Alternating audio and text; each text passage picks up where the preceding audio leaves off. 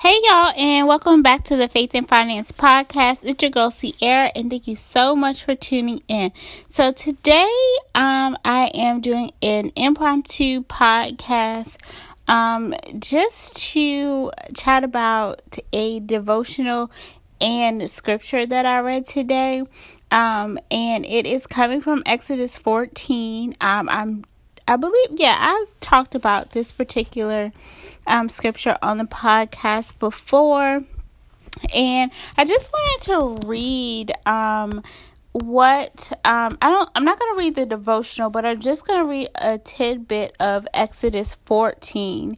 And um, starting at verse 5, it says, When word reached the king of Egypt that the Israelites had fled, Pharaoh and his officials changed their minds. What have we done letting all those Israelite slaves get away? They asked. So Pharaoh, Pharaoh harnessed his chariot and called up his troops. He took with him 600 of Egypt's best chariots, along with the rest of the chariots of Egypt, each with its commander. The Lord hardened the heart of Pharaoh the king of Egypt, so he chased after the people of Israel who had left with fists raised in defiance. The Egyptians chased after them with all forces in Pharaoh's army, all his horses and chariots, his charioteers, and his troops. The Egyptians caught up with the people of Israel as they were camped beside the shore near Pyrathioth. I don't know what that. Okay, but someplace. Um, and then it says across from ba- ba- Baal Zephon. As Pharaoh across, approached, the people of Israel looked up in panic. When they saw the Egyptians taking over them, they cried out to the Lord, and they said to Moses, Why did you bring us out here to die in the wilderness? Weren't there enough graves for us in Egypt?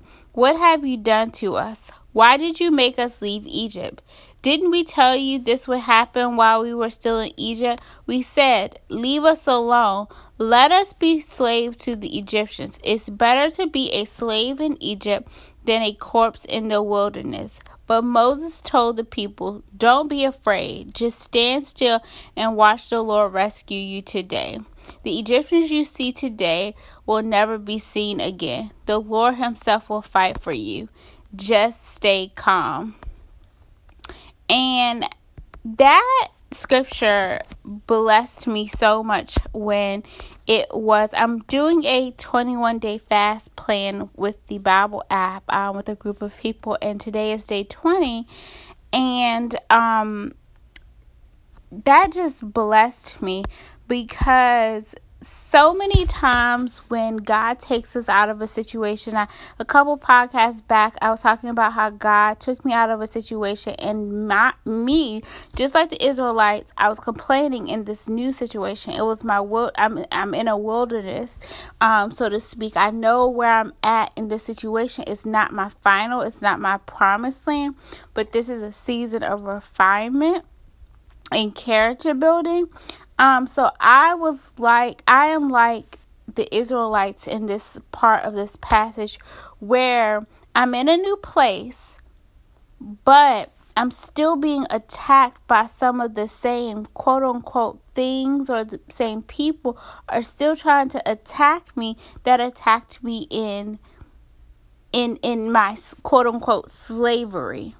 So for me, it's it is not as the same per like it's not a person for me, but it's like the same spirit. Do y'all get what I'm saying? Like it's the same spirit. It's the same thing, and I'm like, Lord, why this again? Why this again? Like why is this happening? And actually, it's uh, happening. And it's a little bit worse. And again, and God and when I read this verse, God just reminded me, like, okay, Sierra, just stay calm. Let me fight for you. He had already given me um, overcome evil with good. Um, in this situation, I'm really learning how to. God is really refining my character like none other because He was like, you're gonna have to look crazy." He said, "When people do things to you, do say wrong things, do wrong things." He was like, "I just want you to be quiet." And y'all know that's not easy. And when I read this, again, it was just another reassurance like, Sierra, just stay calm and let me fight for you. Don't worry about what you see. Don't worry about what it looks like. Don't worry about it looks like people are coming at you. Don't worry about it, that it looks like you're being attacked. Like you're you have this army like in the scripture coming against you. Like you have the Egyptians come. They, they the Israelites had the Egyptians coming against them. But he told them, "Stay calm. The Lord will fight for you. You don't even have to worry about. You have this whole army." Of people coming, 600 of Egypt's best chariots coming against you. Don't worry about it. You good. God will fight for you. He will provide a way out. So tonight in my prayer, I'm thank I want to thank God for providing a way out, one that I can't even see because in a few verses over, that's when God provides a way out for the Israelites. He divides the water so that the Egypts can walk through on dry ground, a way that they did not see. He parts the sea.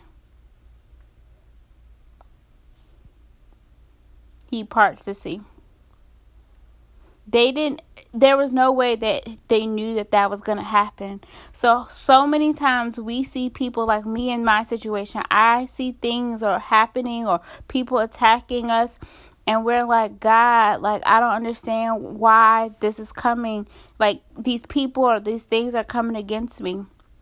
But god is telling us through this verse to stay calm. He's gonna fight for us. And we're like but how? The israelites didn't see either how he was gonna fight for them but he told them stay calm he will fight that's a promise stay calm he will fight for you and provide a way out for you just stay calm.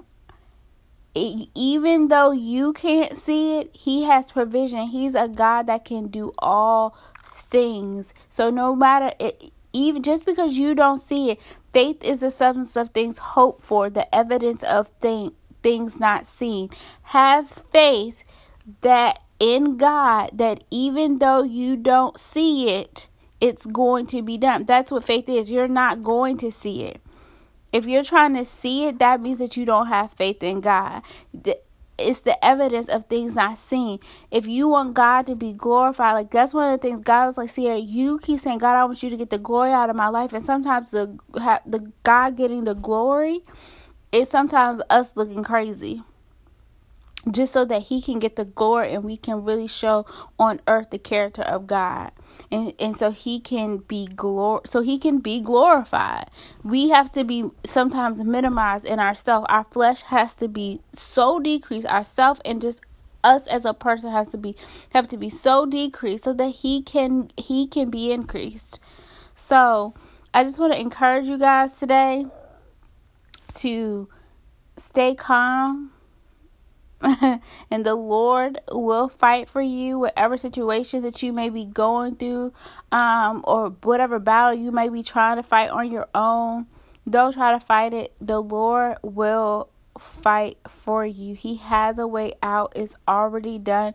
Victory is already yours. Just trust and believe that He's fighting for you. If you don't know what to do in a situation, literally y'all get on Google. If you don't know where where to go or what scripture or anything like Google biblical way to handle whatever and find scripture that, that lines up with what you need so that you can get through it in a godly way in a biblical way so that you can so that you can get have the victory that God has for you and that you don't stay in in in a wilderness season longer than you need to. So that's it for today. Have a great night. Talk to you soon. Bye.